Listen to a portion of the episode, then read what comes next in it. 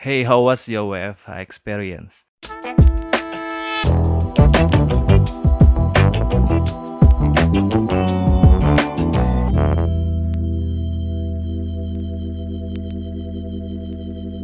Oke, welcome back to obrolan Sunu dan Uzi.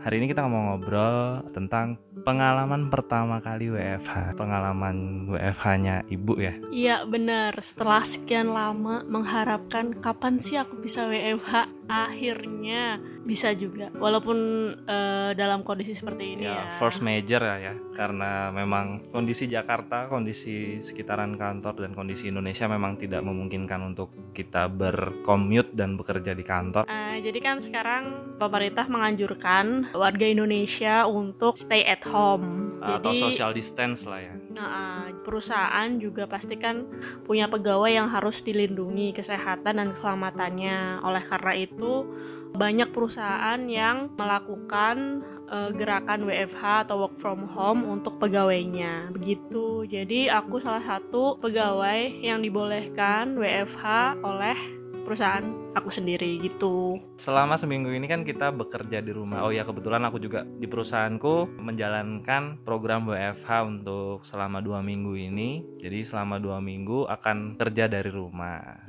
Tapi biasanya kan Dedi juga ini kan bisa WFH juga. Oh iya, emang emang kalau dari kantor ada fitur work from home atau working remotely selama dua hari dalam seminggu. Hmm, jadi ini lebih cerita ke pengalaman ibu. pengalamanku yang baru banget WFH gitu kan. Jadi seorang pegawai di sebuah perusahaan yang bekerja normal Senin sampai Jumat masuk pagi pulang sore dan akhirnya mendapatkan kesempatan untuk bekerja di rumah atau harus bekerja di rumah karena kondisi tertentu.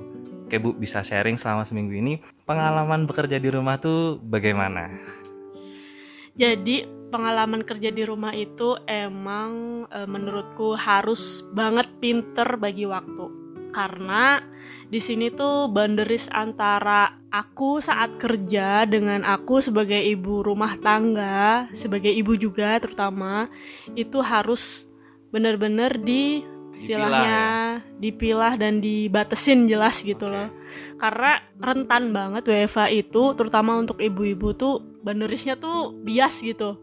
Jadi karena di rumah kan kita bisa aja ngerjain kerjaan rumah tiba-tiba anak e, nangis minta ditemenin atau tiba-tiba ada hal yang harus dilakukan di rumah itu mungkin banget makanya emang harus set priority banget kalau misalnya WFH terutama buat ibu-ibu harus tahu apa aja sih yang harus dikerjain gitu dan set waktunya tuh harus jelas gitu. Nah tadi kan ngomong tentang banderis, sebenarnya banderisnya tuh batasan ya batasan antara kapan harus bekerja, kapan bisa berbagi waktu dengan keluarga gitu ya. Iya betul dan ngurus rumah. Betul. Nah jadi kalau selama seminggu ini nih ya itu kan ketemu berbagai macam kendala boleh cerita nggak kendalanya apa sih yang kemarin temuin gitu kendalanya itu banyak distraksinya sih kalau di rumah ini itu sih yang paling paling berat kalau menurut aku Eva-nya. Oke, okay, distraksinya gimana? Di uh, konkret konkret, distraksi yang konkret. Kan orang banyak nih ya distraksi bisa karena dia jadi males, males karena merasa bekerja di rumah atau gimana? Kalau aku sih lebih ke karena ada anak ya dan anaknya masih bayi lah hitungannya. Jadi masih butuh banyak perhatian itu sih yang paling ngedistrak aku kalau selama WFH ini. Kan kita udah WFH start from Senin ya. Sebenarnya belum di setting untuk WFH dari Senin ya.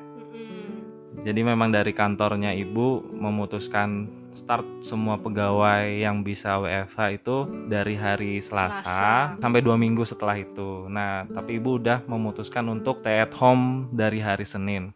Dari Senin sampai Jumat, ketemu pola paling pas nggak sih untuk WFH? Oh tentu, tentu uh, setelah percobaan beberapa kali, itu kan dalam satu minggu ya.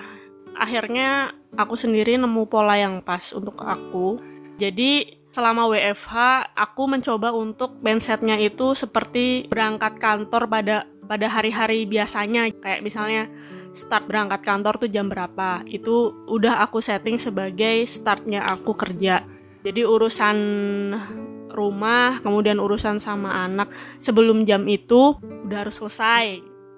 Nah, setelah itu 8 jam kerja, mulai dari jam hitunglah jam 8 itu aku stay untuk ngurus kerjaan. Mungkin pas istirahat aku sendiri uh, meluangkan waktu istirahat ya makan, terus ketemu sama anakku. Jadi lebih apa ya, lebih uh, mindsetnya tuh lebih mikir ke ya aku kerja anggap uh, eh, WFH itu benar-benar kayak kamu sedang kerja cuman di rumah jadi waktunya tuh benar-benar yang disetting sedemikian rupa lah nanggap nanggap nanggap uh, ibu kan mulai dari Senin sampai hari ke berapa menemukan pola seperti itu bu um, efektif tuh ya sekitar dua hari sih berarti di hari Selasa menemukan bahwa oh oke okay, hari Rabu aku punya pola yang pas nih untuk bekerja dari rumah tuh seperti ini, ya nggak sih? Iya betul. Oke, nah, jadi mau nambahin ya, karena pengalaman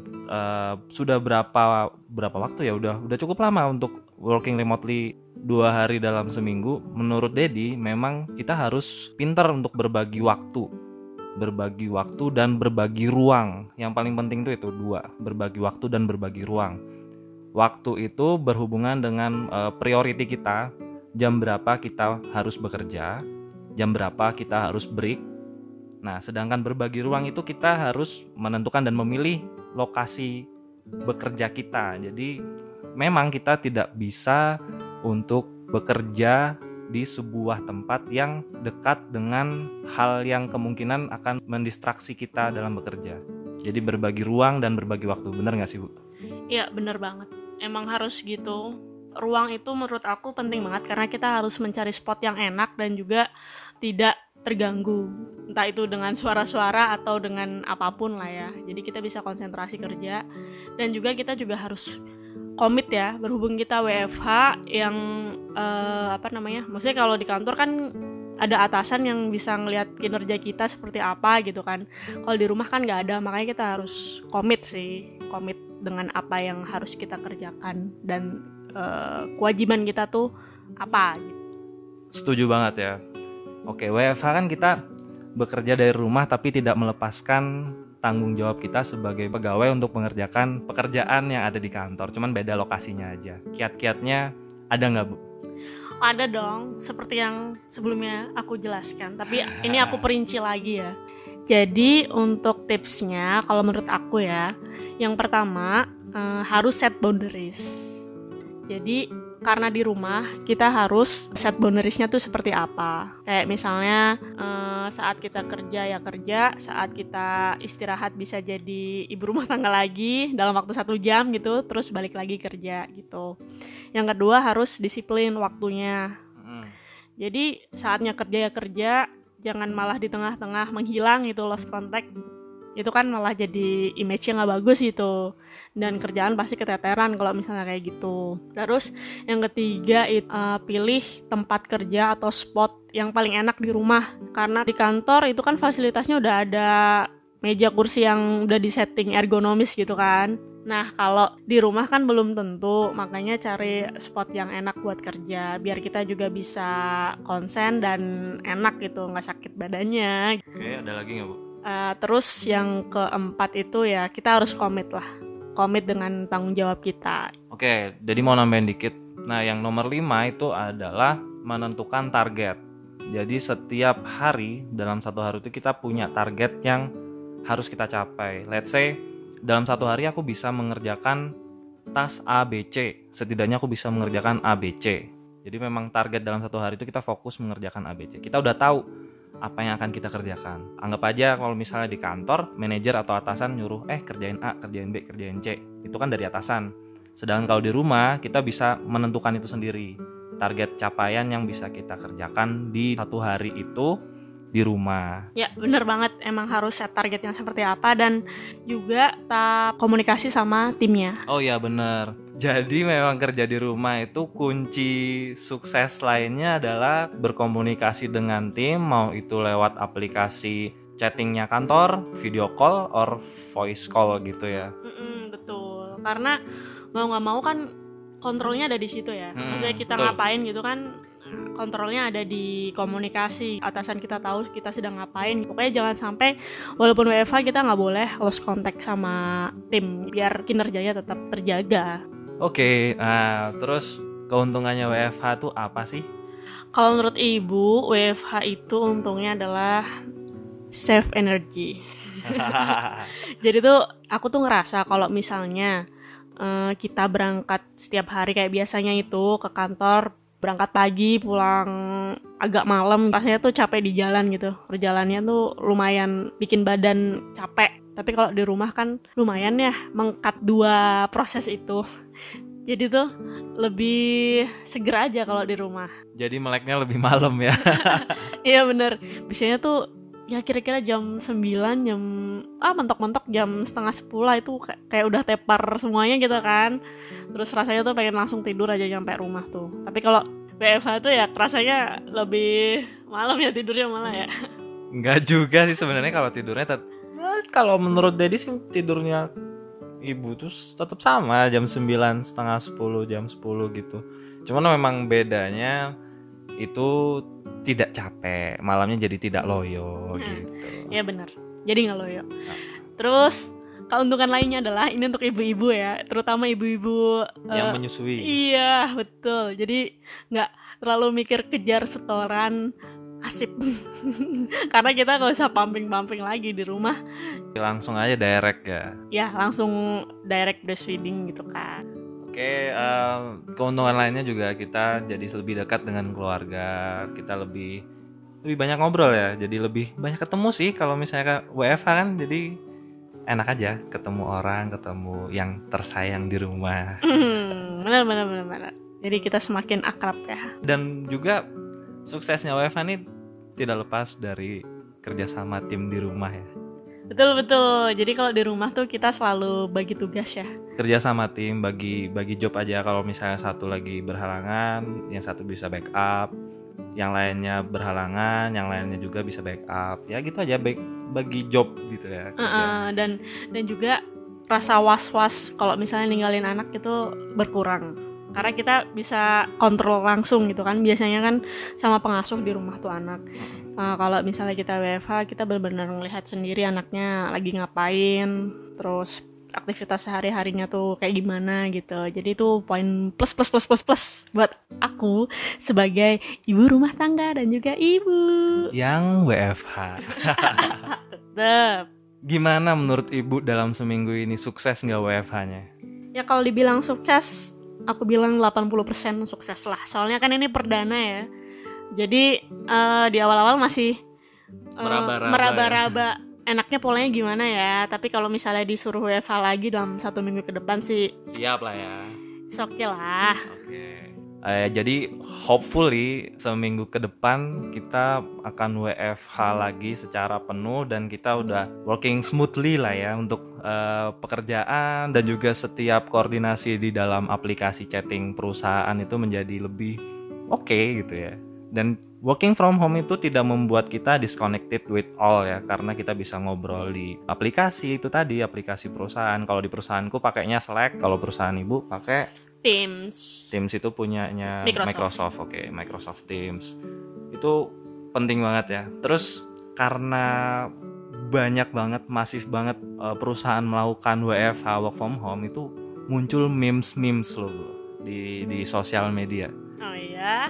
Di di Instagram kemarin sempat lihat nih. Eh, jadi memesnya begini. 9 bulan setelah WFH nambah satu anak. Aduh kayaknya kayaknya aku nggak kepikiran sampai situ deh.